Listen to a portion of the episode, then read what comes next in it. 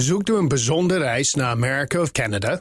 Unieke accommodaties, ongerepte natuur en een uitgekiende reisroute. En natuurlijk op maat gemaakt naar uw wensen. Klinkt bekend? Little America is de zus van Travel Essence. Met eigen team van reisspecialisten, maar dezelfde focus op kleinschalige reizen met hoogwaardige kwaliteit. Kijk op littleamerica.nl. Het eigen risico dat we bij de zorgverzekering hebben vergroot de ongelijkheid, blijkt uit onderzoek. Bovendien kiest nu zo'n 60% van ons een eigen risico dat eigenlijk te laag is. Werkgeversorganisatie VNO-NCW presenteert vandaag de plannen voor de komende 10 jaar. In de afgelopen jaren ontstond er een kloof met de rest van de samenleving en die zou nu weer moeten worden gedicht. En bij het impeachmentproces tegen president Trump wordt de richtingenstrijd binnen de Republikeinse Partij zichtbaar. Trump mag dan vertrokken zijn uit het Witte Huis. Zijn invloed en die van zijn achterban zijn zeker nog niet weg. Dit is Nieuwsroom, de dagelijkse podcast van het Financiële Dagblad en BNR Nieuwsradio. Met het nieuws verteld door de journalisten zelf. Ik ben Mark Beekhuis en het is vandaag woensdag 10 februari. Hallo, Maarten van Pol van het Financieel Dagblad. Goedemorgen. We gaan het hebben over een onderzoek wat gedaan is naar het eigen risico bij de zorgverzekeringen. En de krantenkop boven het artikel wat je gemaakt hebt laat eigenlijk niets uh, aan onduidelijkheid over. Eigen risico in de zorg vergroot ongelijkheid. Dat is iets wat denk ik heel veel linkse partijen altijd al gedacht hebben. En nu is het onderzocht. Ja, dat klopt. Uh, er hebben een paar onderzoekers van de LSI in Londen en Berkeley hebben een gigantische dataset uh, van het uh, Centraal Bureau voor de Statistiek gepakt. en die hebben gekeken naar hoe goed mensen zijn in het kiezen van hun optimale eigen risico. En ook gekeken welke sociaal-economische factoren daarbij een rol spelen. Of dat zo is en zo ja, welke. Uh, en daar kan ik me van alles bij voorstellen, want er zijn, is zo'n effect dat uh, naarmate je minder verdient, de kans groter is dat je vaker ziek bent, hè? Ja, dat is, uh, dat is onderliggend aan de hand. hogere inkomens zijn vaak gezonder. Ehm, en wat, er vervolgens, wat ze vervolgens hebben gezien is in eerste instantie dat mensen überhaupt niet zo heel goed zijn in het kiezen van het optimale eigen risico. En optimaal betekent als jij een lage kans hebt op hoge zorgkosten, dan kan je het beste een maximaal eigen risico nemen. Ja. Uh, als je denkt dat je volgend jaar weinig uh, zorgkosten maakt, ja, dan, dan, moet je er ook niet voor verzekeren. Precies, als je dat wel doet, dan ben je oververzekerd. Um, en wat, wat de eerste conclusie uit het onderzoek is dat heel veel mensen oververzekerd zijn in Nederland.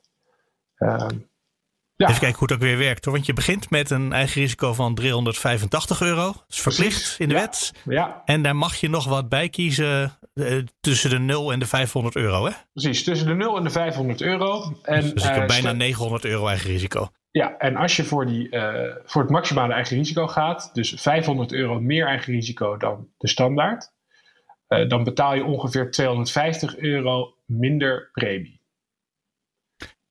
Als je het zo zegt, klinkt dat als een hele slechte deal. Uh, nou ja, dat hangt er dus een beetje vanaf. Als jij denkt dat je gezond gaat blijven, als je reden hebt om aan te nemen dat je gezond gaat blijven, nu wordt het ingewikkeld. Ja. Als je denkt, om het wordt ingewikkeld in ieder geval om het goed te zeggen. Als je mm -hmm. denkt dat je uh, minder dan 50% kans hebt op hoge zorgkosten, dus bijvoorbeeld 900 euro, zodat het volledige eigen risico opgaat. Als je daar minder dan 50% kans op hebt, dan is het al een goed idee om. Uh, Oké, okay. deze statistiek die voel ik niet ogenblikkelijk aan. Ik dacht, je gaat, uh, uh, je gaat een risico aan van uh, 500 euro extra. En je krijgt maar 250 euro korting op je, op je zorgkosten. Dus dat is, is de helft van. Maar het is niet, dat risico betekent niet dat het 100% zeker is dat je die 500 euro nee, extra kwijt bent, natuurlijk. En daar nee. wordt het denk ik lastig. En mensen zijn er heel slecht in van nature om dit soort inschattingen te maken. Ja, dat voel ik ook meteen aan. Ja. nou, en wat het, het, het, de interessante volgende stap van het onderzoek is dat ze dus hebben gekeken naar de verschillen tussen groepen in de samenleving. Um, Kunnen sommige mensen dit beter dan anderen? Ja, en echt veel beter ook. Uh, ja? Ja, en uh, een belangrijk verschil is het uh, inkomensniveau of het opleidingsniveau. Dus hoogopgeleide mensen doen het een stuk beter. Die maken vaker de optimale keuze.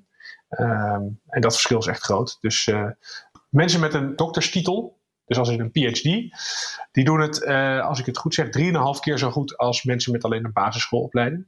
Het is ook eigenlijk wat je verwacht. Hè? Het is statistiek en je bent dokter in willekeurig welke richting dan ook. Ja, dan misschien dat je daar dan beter mee overweg moet kunnen voor je vak alleen al. Nou ja, goed, je kan natuurlijk ook dokter in de uh, letterkunde zijn. en dat is niet de garantie dat, dat, je goed kan rekenen, weet ik toevallig. Nee. Uh, maar, uh, maar je ziet ook, dat hebben ze ook onderzocht, uh, ja, hoe goed mensen het doen uh, met bijvoorbeeld een statistiekopleiding versus mensen met een, die filosofie doen, maar ook mensen die bijvoorbeeld haar en, in de haar- en schoonheidsdiensten zitten. Ja. En daar zie je ook enorme verschillen. Daar zie je dat mensen. Ja, zijn statistici handiger hiermee? Veel en veel handiger, ja. Ja, dat, ja dus dat, dat wordt eerlijker, want dat is wat er in de, in de kop al van het artikel stond, dat snap ik dan wel. Uh, of het vergroot ongelijkheid. Nou ja, dat lees ik als uh, maakt het oneerlijker. Mhm. En sommige mensen hebben gewoon geen kans door een gebrek aan opleiding om de goede keuze te maken. Nou ja, niet helemaal geen kans, want je zou ze natuurlijk kunnen helpen. Kan dat? Want het is heel moeilijk om uit te leggen hoe, deze, hoe dit precies in de praktijk uit zal pakken. En uh, waarom iets de beste keuze is voor jou. Het is toch een beetje een weddenschap die je met de verzekeringsmaatschappij afsluit. Hè? Van, uh, ik gok dat ik het komend jaar wel of niet ziek word. Uh, ja, ja, de vraag is in hoeverre het een gok is. Ja, en hier wordt dus, dit, dat, dit maakt dus, hierdoor gaat het fout bij veel mensen. Uh, het is inderdaad moeilijk in te schatten. je hebt uh, je moet dus op basis van je gezondheid in het verleden moet je een soort inschatting gaan maken. Hoe, hoe groot de kans is dat je ziek gaat worden of dat je kosten gaat maken in het jaar daarna. En, maar ja, je hebt ook nog mensen hebben ook nog gewoon voorkeuren, denk ik. Dat speelt ook nog een belangrijke rol. overigens zijn die voorkeuren, daar hebben ze voor gecontroleerd. Dus het is niet zo dat mensen gewoon puur op basis van persoonlijke voorkeur. Dat verklaart niet die verschillen tussen inkomensgroepen, uh, opleidingsniveaus en opleidingsrichtingen die ze hebben gevonden in het onderzoek. Uh, er zullen mensen zijn die zeggen: ja, maar ik hou helemaal niet van risico. Doe mij maar gewoon het laagste eigen risico. Dat is gewoon, uh, daar voel ik me veilig. Precies, dat bestaat, maar dat verklaart niet de verschillen die in dit onderzoek zijn gevonden. Nee, want als ik het stuk lees wat je gemaakt hebt, daar staat 10% van de mensen kiest voor een hoger risico dan het minimum. Terwijl dat voor 60% van de mensen een betere keuze zou zijn. Precies, ja. En dit is toch wel een schokkende conclusie dat uh, 60% van de mensen de verkeer, het verkeerde vakje aankruist. Ja, ja, dat is waar. Dus, uh, is er een simpele oplossing voor? Of zijn er een heleboel, verschil, uh, zijn er een heleboel oplossingen voor misschien waar politici uit kunnen kiezen? Er zijn, uh, nou ja, er zijn verschillende oplossingen voor te bedenken. Eén is ja, mensen helpen met de juiste keuze te maken. Ja, hoe weet ik nou of ik het komend jaar ziek ga worden? Dat weet je natuurlijk nooit. Uh, maar de verzekeraar heeft natuurlijk zelf ook, uh, die maakt zelf ook een inschatting. De verzekeraar zou het mij kunnen vertellen. Wij denken dat u met uw uh, achtergrond en historie het komend jaar geen 400, maar 600 euro eigen risico moet nemen. Ja, precies. Het is natuurlijk de vraag. Dat doen ze niet, hè? Dat zou een enorme service zijn. Het is natuurlijk de vraag of, je dan, of mensen dan de verzekeraar ook zouden geloven. kan ik me zo voorstellen. Hmm. Maar en je kan je ook afvragen of het helemaal in het belang is van de verzekeraar want, uh, vast niet. Nou ja, uiteindelijk uh, komt het erop uh, op neer dat als iedereen een optimale keuze maakt, dat dan, dat dan de premies omhoog moeten, de standaardpremies. Ja, want u betaalt 60% betaalt te veel. Precies. Ja, nou dat gaat de verzekeraar niet voor ons oplossen, want dan inderdaad, dan gaan ineens de premies omhoog en dat, is, dat ligt ook altijd gevoelig. Ja, precies. Nou goed, en er zijn uh, in alle verkiezingsprogramma's uh, hebben alle partijen ongeveer spreken zich wel uit over wat ze willen met het eigen risico. Sommige partijen willen er helemaal van af, andere willen het anders inrichten. Ehm, dus, ja, dat is misschien nog de eerlijkste oplossing. Hè? Als je zegt, nou, maakt niet uit wat je opleiding is. je moet het altijd kunnen snappen en geen eigen risico of een vast eigen risico van 100 of 300 euro, wat ook een getal in ieder geval wat iedereen aan kan. dat zetten we gewoon vast en daar hoef je niet over te kiezen, want sommige mensen, namelijk 60% van Nederland kan die keuze eigenlijk niet aan. Ja, precies. Nou, dat, is een, uh, dat zou een oplossing kunnen zijn. Wat natuurlijk ook nog kan, is uh, de standaardoptie aanpassen. Uh, bijvoorbeeld, je begint nu laag. Dus je begint nu standaard op 385 euro. En dat moet je dan ja. zelf aanpassen als je dat wil. Je zou kunnen zeggen, je begint standaard op 885 euro. En als je dat niet ziet zitten, dan verlaag je het. En dat is natuurlijk psychologisch helemaal anders. Ja, zeker. Uh, ja. ja.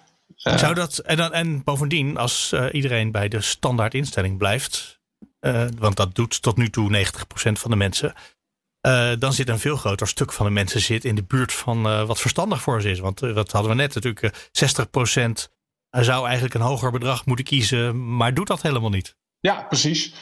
Als je weet dat mensen moeilijk van hun plaats komen, dan is het voor een meerderheid van de mensen gunstiger om te beginnen op een maximaal eigen risico. Dat je, als je dat wil, kan verlagen. Dan beginnen met een minimaal eigen risico, dat als je wil, kan verhogen. Ja, het is uh, eh, 10 februari vandaag, dus voorlopig mogen we niet kiezen.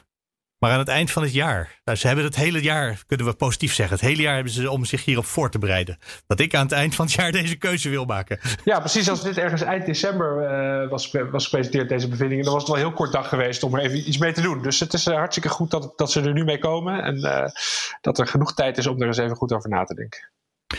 Ik ben nog heel nieuwsgierig naar de reacties van de verzekeraars in de komende tijd. Die ga je vast nog halen, Maarten van Pol. Zeker. Dankjewel. Dankjewel, Mark. Hallo, Job Wout van het Financieel Dagblad. Ja, dag Mark, hallo. Je hebt uitgebreid gesproken met de nieuwe voorzitter van VNO-NCW, mevrouw Thijssen. Uh, hoe, hoe, uitgebreid heb je daar eigenlijk gesproken? Want vandaag gaan ze allemaal belangrijke dingen bekendmaken. Maar uh, hoeveel tijd neemt ze dan voor een uh, gesprek met het FD? Nou, dan nam ze de, ehm, voor haar doen denk ik toch ruimhartig de tijd voor. Het was een eh, gesprek van een, eh, uur en tien minuten volgens het eh, bandje. En er zat aan het begin nog eventjes wat social talk in, maar het was dan toch een lang en serieus gesprek wat, dat, wat wij hadden. En bij dat, dat zijn dan Lien van der Lee en ikzelf. Ja, collega van de Haagse redactie van het Financieel Dagblad. Het stuk wat jullie gemaakt hebben, dat zegt VNO-NCW, de werkgevers in Nederland dus, maken een omslag, hebben ineens een andere rolopvatting, is een woord wat ik hoorde. Is dat je indruk dat dat echt gaande is? Ja, het gaat om de presentatie van een uh, agenda voor het jaar 2030 en uh, een, een, kompas, zoals uh, de werkgeversorganisatie het ook zelf noemt, uitgebreid besproken met de achterban. Ja, en, en naast aandacht voor economische groei, zeg het traditionele kerndomein van VNO-NCW, het ondernemersbelang daarin ook, zien zij voor zichzelf een, een zeer belangrijke rol weggelegd om uh, ja, de duurzaamheid aan te jagen. Om te voorkomen dat uh, we straks uh, overspoeld raken door het oceaanwater, om het dan maar plat te zeggen. Ja. en, en een andere rol die ze voor zichzelf weggelegd zien, is dat ze daar een uh, ja, dat ze betekenis geven aan het eh, begrip inclusiviteit. En ja, hoe je dat te, uh, het beste kunt omschrijven, is aandacht voor kansarmen. zorgen dat iedereen mee kan doen en zorgen dat, dat de boel ook bij elkaar blijft. Zo staat er letterlijk. De boel bij elkaar, dit klinkt als Job Cohen die thee wil gaan drinken. Juist, dat was zegt de kreet waarmee Job Cohen hier het burgemeestersambt in Amsterdam, in Amsterdam ja. Uh, aannam eigenlijk. En uh, overigens als een zeer succesvol burgemeester hier werd gezien. Ik ben zelf een burger van Amsterdam. Ik kan me nog altijd de lovende reacties in het parool herinneren uit die tijd. Vervolgens mislukte Job Cohen hopeloos in Den Haag. Dat is ja, maar in Amsterdam inderdaad, daar was hij populair. Ja, de boel bij elkaar houden is natuurlijk is een enorm PvdA begrip. en, uh, en dat zeggen de werkgevers nu van VNO-NCW. Ja. ja. Um, en hoe gaan ze dat doen? Want er is, kennelijk zijn ze tot de conclusie gekomen dat er een verwijdering is tussen de ondernemers en de rest van de samenleving. Ja, dat zit natuurlijk op, op tal van terreinen, maar zit met name natuurlijk op het gebied van uh, inkopen, inkomen en arbeid en uh, ja, banenplannen. Ze hebben bijvoorbeeld uh, zelf al eerder de ambitie uitgesproken om 100.000 mensen kansarme mensen, met mensen met een afstand tot de arbeidsmarkt, om die een, aan een baan te helpen. Dat, of die ambitie die is nu opgeschroefd tot 200.000. Dat is echt een heel concreet punt. maar ze zien het ook, en ze verwoorden het zelf ook zeggen in, in, in hun ambities om de arbeidsmarkt te herzien om een einde, enerzijds een einde te maken aan nou, wat je dan noemt de doorgeschoten flexibiliteit. Waar mensen van baantje naar baantje moeten hoppen, hoppen en dan vaak ook nog heel slecht betaald zonder enige zekerheid. naar een stelsel waar waar uh, mensen meer werkzekerheid hebben. Uh, in ruil daarvoor, uh, dat werkgevers verliezen misschien hun haren, maar niet hun streken. Willen ze natuurlijk wel dat de, het ontslagstelsel dat het gewoon makkelijker wordt om mensen te ontslaan. omdat dat. Oh, ja, nou, dat is het einde, einde van de omslag van de werkgevers. Want dit is iets wat we natuurlijk al heel lang horen. We willen dat, mensen wel makkelijker kunnen ontslaan. En je, en je ziet natuurlijk uh, de uitruil, zie je daar, die, is ook wel, die is wel eerder aangedragen. bijvoorbeeld door commissie Borslap, zei het in iets mildere bewoordingen in mijn herinnering. Mhm. Maar die uitruil die zie je eigenlijk wel aankomen in dat opzicht. en nou, daar zijn werkgevers op dit moment ook, ook over aan het onderhandelen met de vakbeweging in de, in de in de Stichting van de Arbeid of Sociaal-Economische Raad over. om, om te kijken of ze daar ook tot concrete afspraken kunnen komen. Ja, maar die uitruil die maakt VNO-NCW binnen zichzelf. Die zeggen nou, we willen dit ene en dan geven we het andere wel. Maar normaal onderhandel je natuurlijk met andere partijen. Nou ja, dat beschrijf je ook wel. Maar... Ja, er zit natuurlijk ook, ook, ook wel degelijk een aanspraak uh, of een, een, verantwoording die ze voelen. En waar ze ook zich de eigen achterban wel uh, op aanspreken in dit geval. Hè, noblesse oblige. Uh, ja, dat je dat je ook niet uh, moet bezondigen aan, aan, aan, de meest grove vormen van uh, flexibilisering. En daar zit natuurlijk wel degelijk een, een pijnpunt bij, bij, sommige werkgevers. Ja, dat zullen sommige werkgevers ook best vervelend vinden, dat VNO-NCW nu zegt, daar willen we vanaf. Ja. Van die scherpe kanten. Ja, het, het, het, zit, het zit hem ook in, hè, die, die, die wat je dan inclusiviteit noemde, zit hem, zit hem ook een hele ja, wat, wat softe, softe aanbevelingen. dat, dat ze pleiten voor een nationaal programma digivaardigheden. Hè, om de digitale hmm. achterstand die dan uh, wordt gezien bij nog een groot uh, deel van de Nederlandse bevolking, om die, uh, ja, om die in te lopen, om Nederland meer digitaal savvy te maken. dat, dat staat dan ook als een van de voorstellen in, de, in, het 40 pagina's tellende document om Nederland een, tot een inclusievere samenleving te maken.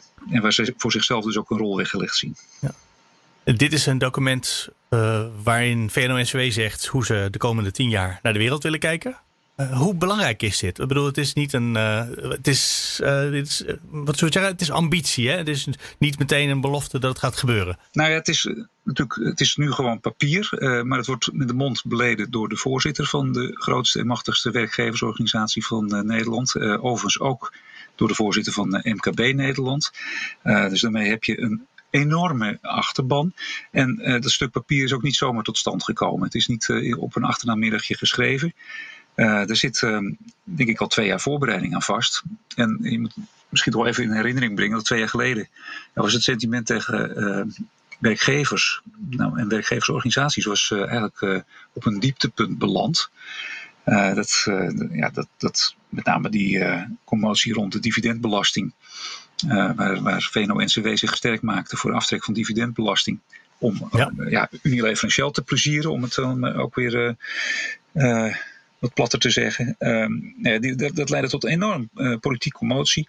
Ook, ook in de samenleving merkten werkgevers dat, dat er een afstand ontstond en dat die afstand ook vergroot werd. Dus twee jaar geleden zijn ze tot die analyse gekomen van dat, dat, dat die afstand er kennelijk was en dat die dat zij als werkgeversorganisaties uh, ook wel tot een, tot een plicht uh, zagen om die afstand uh, te verkleinen, om die te, dat gat te dichten. Ja, ze willen dit echt. Dit komt uit de organisatie zelf. Dus dat is, ja. Er is nog één stukje aan het einde van het artikel wat jullie gemaakt hebben, waar ik het over wil hebben met je. Dat is al met al mikken de ondernemers op 20% meer materiële welvaart voor burgers per 2030. In vergelijking met het pre-corona-jaar 2019. Dus ze gaan niet uit van uh, de crisis waar we nu even in zitten.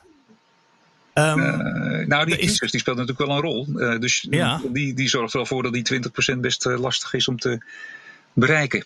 Um, en materiële welvaart, dat is dat je er echt op vooruit gaat. Hè? Dat is ja. de inflatie plus wat daar bovenop komt. Ja, je, je, het is natuurlijk de afgelopen jaren is ja, is Straalhans uh, toch wel een beetje keukenmeester geweest voor de meeste burgers. Um, ja, voor de meeste cao's zou ik haast zeggen. In algemene zin zie je natuurlijk dat uh, de welvaart uh, in Nederland nou, amper meer is gestegen de laatste jaren. Dat burgers daar niet zoveel meer van merken. dat, terwijl de, zeker de afgelopen voor corona de bedrijfswinst ontzettend uh, stegen. Dat de aandeelhouders ook weer uh, ruimhartig in zijn beloond. En dat je ook ziet dat zich topmanagement ja, van heeft mee, kunnen mee profiteren. Dat is een van, de, een van die aspecten van, uh, die ook, ja, van, die kloof. Van die kloof die wordt, wordt waargenomen. Maar is, is, is nou in tien jaar 20% erbij. Is dat nou veel eigenlijk? Nou, kijk, Mark, mijn eerste reactie was eerder het tegenovergestelde. We zitten nu in de diepste crisis van uh, sinds de Tweede Wereldoorlog, waarvan we het einde uh, nog, nog niet in zicht. Niet bevroeden hoe dat de komende jaren gaat uitpakken. het heeft al tot, tot sociale spanningen geleid. Ehm, je, je, je het is, je tast toch echt in het duister hoor, wat er, wat er de komende jaren gaat gebeuren en hoe de vlag er over tien jaar bij hangt. En uh, de, de, de, onvrede is natuurlijk wel voortgekomen dat, dat mensen, ja, die krijgen misschien wel wat salaris bij, maar het gaat, uh, voor, je het, weet, uh, gaat het alweer op aan hogere zorgkosten of hogere pensioenlasten. Um, en um, ja, dan, dan heb je het nog niet eens over de energietransitie die ook, die ook op veel huishoudens afkomt. En waarvan burgers ook bang zijn dat het tot tot een aanslag uh, op de portemonnee gaat leiden. Um, ja. ja. dan, ja, zo bezien is 20% meer welvaart. Ja, uh, ik denk, denk dat ook, veel mensen daar veel voor zouden tekenen. maar goed, met een één grote disclaimer. Ehm, we weten gewoon niet hoe het er over tien jaar uitziet. We gaan zien hoe het uitpakt. Want dit is iets wat vandaag gepresenteerd wordt. Is er eigenlijk nog een uh, feestelijke virtuele bijeenkomst waar je dan heen kan? Nee, nee die, uh, die is er niet. Dit was het gewoon. Een, een, stukje kunt het vinden op, uh, op de website. VNO-NCW uh, zijn persberichten uitgegaan. en nee, de voorzitter heeft bij ons dan een, een toelichting gegeven op, op dit stuk en, en, op onze vragen geantwoord. Job Wout, dankjewel. Alsjeblieft. Hallo, Caspar Thomas van het Financieel Dagblad in Washington. Goedemorgen. We gaan het hebben over de uh, eerste dag van het tweede impeachment van president Trump, de voormalige president van de Verenigde Staten. Ja, de woorden uh, zijn, uh, zijn, zeer belangrijk al. Het is een ex-president. het is de tweede impeachment, de eerste dag. Het is een, het is een ingewikkeld staketsel. Ja, het is ook nog heel vroeg. Voor jou is het laat, maar voor mij is het op het ogenblik kwart over zes. Ja. Dit is ook de reden dat je niet zo heel veel Amerikaans nieuws in deze podcast hoort. Maar ik vond dit toch iets waarvan ik dacht, ja, daar, daar, wil ik wel nog eens van, van horen hoe het loopt en wat er nou precies gebeurt. Heb je eigenlijk de hele dag dat in de hoek van de Kamer aanstaan, zo'n impeachment proces? Ja, dat is een beetje achtergrondgeluid en, en soms even iets geïnteresseerde kijken op het moment dat er eh, bijzondere elementen in zitten. En, en het meest bijzondere element vandaag eigenlijk was de 13 minuten durende video die de Democraten hadden samengesteld, waarmee ze eigenlijk hun aanklacht in beeld uh, bij Trump en, en de Senaat neerlegden. En dat waren de beelden van de bestorming van het Capitool op 6 januari aangevuld met de speech van Trump die daaraan vooraf ging. En waarin ze dus eigenlijk heel duidelijk hun, hun, hun zaak maakt om te laten zien. Er is een duidelijk verband tussen het feit dat een meute het kapitool bestormde en Trump die zei. Kom, we gaan met z'n allen naar het kapitool en je moet vechten voor deze verkiezingen. Dat is een hele letterlijke link tussen wat de man zei en wat de mensen vervolgens deden. Ja, en dat is natuurlijk ook de aanklacht die Trump ten laste is gelegd. Het, het aanzetten tot een gewelddadige bestorming. En, en die video is een moeite waard. Die kan iedereen terugkijken trouwens. Dat is, dat, dat is een moeite waard omdat het nog eens even terughaalt uh, waar het nou eigenlijk allemaal om gaat op dit moment. En als je dat dan weer terugziet, dan, en dat merkt je ook aan de reacties van de senatoren aan, aan beide kanten van het, van het politiek spectrum, die daar in die zaal zaten, dat is toch echt wel weer schokkend als je dat allemaal weer op een rijtje ziet. Uh, het geweld waarmee dat gepaard ging, uh, de agressie die daarbij zat, de, de, de, de Trump die dat ja, inderdaad lange tijd uh, letterlijk aanmoedigde eigenlijk. Want hij zei, kom op, we gaan naar het kapitool. Uh, en, ja, goed, dan, ja, hij zei, ik loop met jullie mee. Ja, dat, dat deed hij dan uiteindelijk natuurlijk weer niet. Dat maar deed hij niet, nee, nee maar hij zei het wel. Ja, en, en hij, hij, zei, jullie zijn geweldige mensen en we houden van jullie. En hij zei, dit is wat er gebeurt als uh, de verkiezingen gestolen worden. Dus Trump is, is daar vrij schaamteloos in geweest. En nou ja, goed, en dat is de reden waarom Amerika dus nu in de unieke situaties komen te zitten. Dat een president die al vertrokken is uit het Witte Huis, alsnog onderdeel is van een impeachmentprocedure. En dat was ook meteen de, het grote discussiestuk vandaag. Kan dat, mag dat wel? Kan dat wel? Precies, we kunnen nu heel juridisch uh, het, de dag uh, beginnen. Uh, mag het überhaupt wel? kan dit wel? En nou, kennelijk mag het, want de procedure is, is gestart. Ja, of kan dat nog halverwege afge, afgebroken worden nu? Nee, de dag besloot eigenlijk vandaag met een stemming in de Senaat. Met, uh, oké, kunnen we hiermee doorgaan? Uh, mag dit? En uh, die is aangenomen. Ja. Dus, dus, daarmee mag het. Ik bedoel, dat dat, dat precedent is gezet. en wat het volgens mij vervolgens interessant maakt, is welke consequentie dit zal hebben. Nou, volgens mij is vriend en vijand het erover eens dat Trump niet veroordeeld gaat worden. Ook deze tweede keer niet. Nee, die kans is heel klein.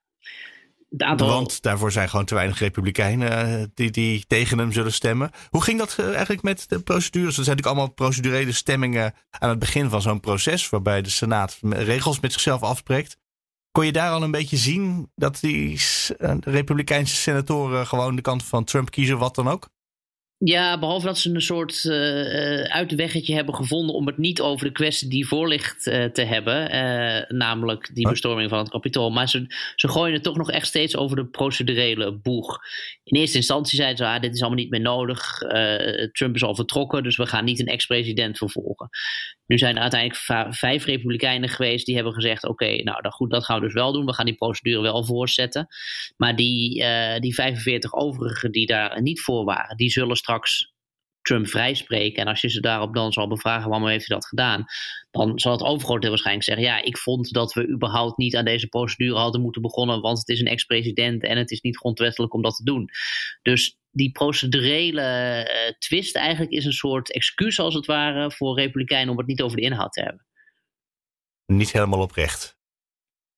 Ja, ik, ja, dat is lastig om te zeggen dat. Is lastig om te zeggen. Dat, bedoel, misschien zijn ze er oprecht van overtuigd dat de grondwet dit niet voorschrijft. Uh, maar ja, die, we kunnen niet in de hoofd van die mensen kijken. Maar in ieder geval is het, is het, het, het, het, het, het komt ze in die zin goed uit. Ja, en mijn indruk is dat dit misschien eigenlijk nog wel meer dan over Trump zelf. Uh, dat eigenlijk het hele proces gaat over de vraag waar de Republikeinse Partij nu staat. Of dat nog steeds de partij van Donald Trump is. Of dat het toch nog, want de Republikeinse Partij was natuurlijk voor hem een ander soort partij. Ja. Uh, of het weer teruggaat of niet. Is dat ook wat jij gezien hebt of wat jij denkt dat er nu speelt? Nou, dat, daar zit wel een goede graadmeter voor dit moment inderdaad. Want kijk, als je er even over nadenkt, als, als de Republikeinse Partij uh, het uniform overeen was en, en, en echt van Trump had afgewild, dan hadden ze nu de perfecte gelegenheid gehad. Want met deze impeachmentprocedure kunnen ze in principe voorkomen dat die man nog ooit terugkeert in de politiek. Dus als je echt 100% zeker wil, wil, weten dat je van hem af bent, dan zou je zeggen: uh, grijp nu je kans. Nou ja, dat, dat gebeurt niet.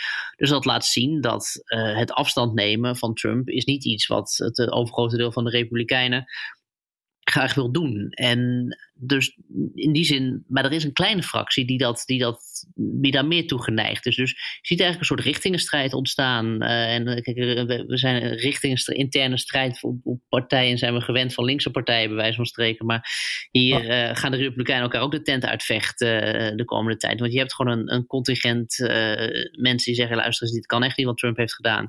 Die iets kleiner is. En een groot deel die blijkbaar op een of andere manier aan Trump wil vasthouden. En misschien een, een soort grijs midden daartussen. En ja, die gaan touw trekken over de toekomst van die partij. En daar zitten aan beide kanten zitten eh, senatoren met veel ambities nog uh, op, uh, op het politieke vlak. Die allemaal ogen naar een eventuele gooi naar het presidentschap ooit. Dus dat wordt nog wel een interessante strijd de komende tijd. Ja, zitten er mogelijke presidentskandidaten in? Want we zijn natuurlijk net met deze periode begonnen. Die misschien heel opportunistisch denken: oh, als Trump uit de weg geruimd is, dan kan ik. Ja, en of misschien menen ze ook serieus dat Trump op basis hiervan uh, inderdaad het niet meer verdient om nog ooit uh, in de politiek te kunnen terugkeren en, en, en echt nog een keer hiervoor veroordeeld moet worden. Um, maar, dus, dus, maar het opportunisme kan allemaal ook zitten bij de mensen zeggen: ja, ik, ik, ik, ik blijf lekker met Trump meepraten hierin. En ik blijf volhouden dat uh, hij hier niet verantwoordelijk voor wordt worden gehouden. Want dan kan ik me straks uh, goed mee positioneren bij zijn achterban. Dus weet je, bij dit soort dingen, het is, het is zo ingewikkeld. Opportunisme ja. en, en, en overtuiging en partijpolitieke spelletjes. En het, het, loopt allemaal, het loopt allemaal dwars door elkaar natuurlijk. Maar het, het, het is wel, zoals we zeiden, een soort goede graadmeter van waar het, hoe, hoe het ervoor staat met de Republikeinse Partij. Ja. Ja, dus Donald Trump is nog niet verdwenen uit de partij. Of de geest van Donald Trump. Nou, de geest um, in ieder geval niet. Nog één ding wat ik aan je wil vragen. Dan moeten we waarschijnlijk alweer een beetje gaan afronden voor vandaag in elk geval. Uh, er was natuurlijk heel veel gedoe met de advocaten van Donald Trump. Die hem hadden, uh, ver, nou, die waren ontslagen vlak voor uh, dat het allemaal begon. Ja, hoe, hoe, hoe deden de invallers het? Ja, dat, het grappige is dat het, het, uniforme deel, mening van, van, van Amerika, zowel aan republikeinse zijde als aan democratische zijde, en zelfs dus ook aan Trumpse zijde, naar verluid in de media hier, vindt iedereen eigenlijk dat ze vrij belabberde advocaten zijn geweest. Dat ze, ze hadden een zwalkend betoog, er was eigenlijk geen touw aan vast te knopen. Een van hen zei, ja luister eens jongens, we zien toch dat het systeem perfect werkt, want het Amerikaanse volk is zo verstandig geweest om een president die ze niet beviel naar huis te sturen en er een nieuwe voor in de plaats te kiezen. Nou ja, dat was iets wat natuurlijk Trump enorm tegen de haren instreek. want, uh, terwijl hij dat eigenlijk ja. voelde als een argument van we hoeven niet aan impeachment te doen, want de democratie, de, de kiezer stemt, de, de kiezer stemt een, een, een president wel weg. Dus ja, en, en maar ze, ze hebben ook een, natuurlijk een, een enorm moeilijke opdracht. Die video waar ik het al over had, die beelden van, van 6 januari, die zijn gewoon heel erg overtuigend. En het is, heel, het is heel duidelijk dat er een verband bestaat tussen Trumps optreden en wat toen gebeurde. Dus om recht in dit geval kom te proberen te praten of om kom recht proberen te praten, uh, dat, dat is ontzettend lastig. Dus ze, hebben, ze hebben nogal ook een, een, zeggen, moeilijke missie. Dus ze gooien het over de boeg van vrijheid van meningsuiting, dat Trump dat soort dingen gewoon moet kunnen zeggen, dat de verkiezingen gestolen waren. Uh, ze gooien, maar tegelijkertijd gooien ze het over de boeg van ja, eigenlijk mag deze procedure helemaal niet plaatsvinden, want het is ongrondwettelijk om een ex-president te impeachen. Dus dat is dat eigenlijk, dat spreekt elkaar ook een beetje tegen, want is het nou wel of niet, weet je. Dus ja, ze, ze, maken er een beetje een rommeltje van. Uh, maar het zijn misschien ook niet de allerbeste advocaten van het land. En ze hadden niet zoveel tijd om zich voor te bereiden. Nee, het is een beetje een hondebaan uh, ja. natuurlijk. Uh, maar goed, tegelijkertijd zoals we hebben vastgesteld, ja, het, het, maakt dus ook niet zo heel veel uit. nee, voor Donald Trump zal het niet zo heel veel uitmaken. Wat de partij, nou ja, daar waren we al. Die staat voor een flink stuk achter hem. Precies. Casper Thomas, dankjewel. Graag gedaan, Mark. En daarmee komen we aan het einde van de podcast voor vandaag. Morgen zijn we er weer. En als je mailt, wie weet nemen we je reactie, je aanvulling, je correctie als het nodig is. Wie weet nemen we die dan morgen mee in de podcast. Je kan mailen naar nieuwsroom.bnr.nl of nieuwsroom.fd.nl. Graag tot morgen.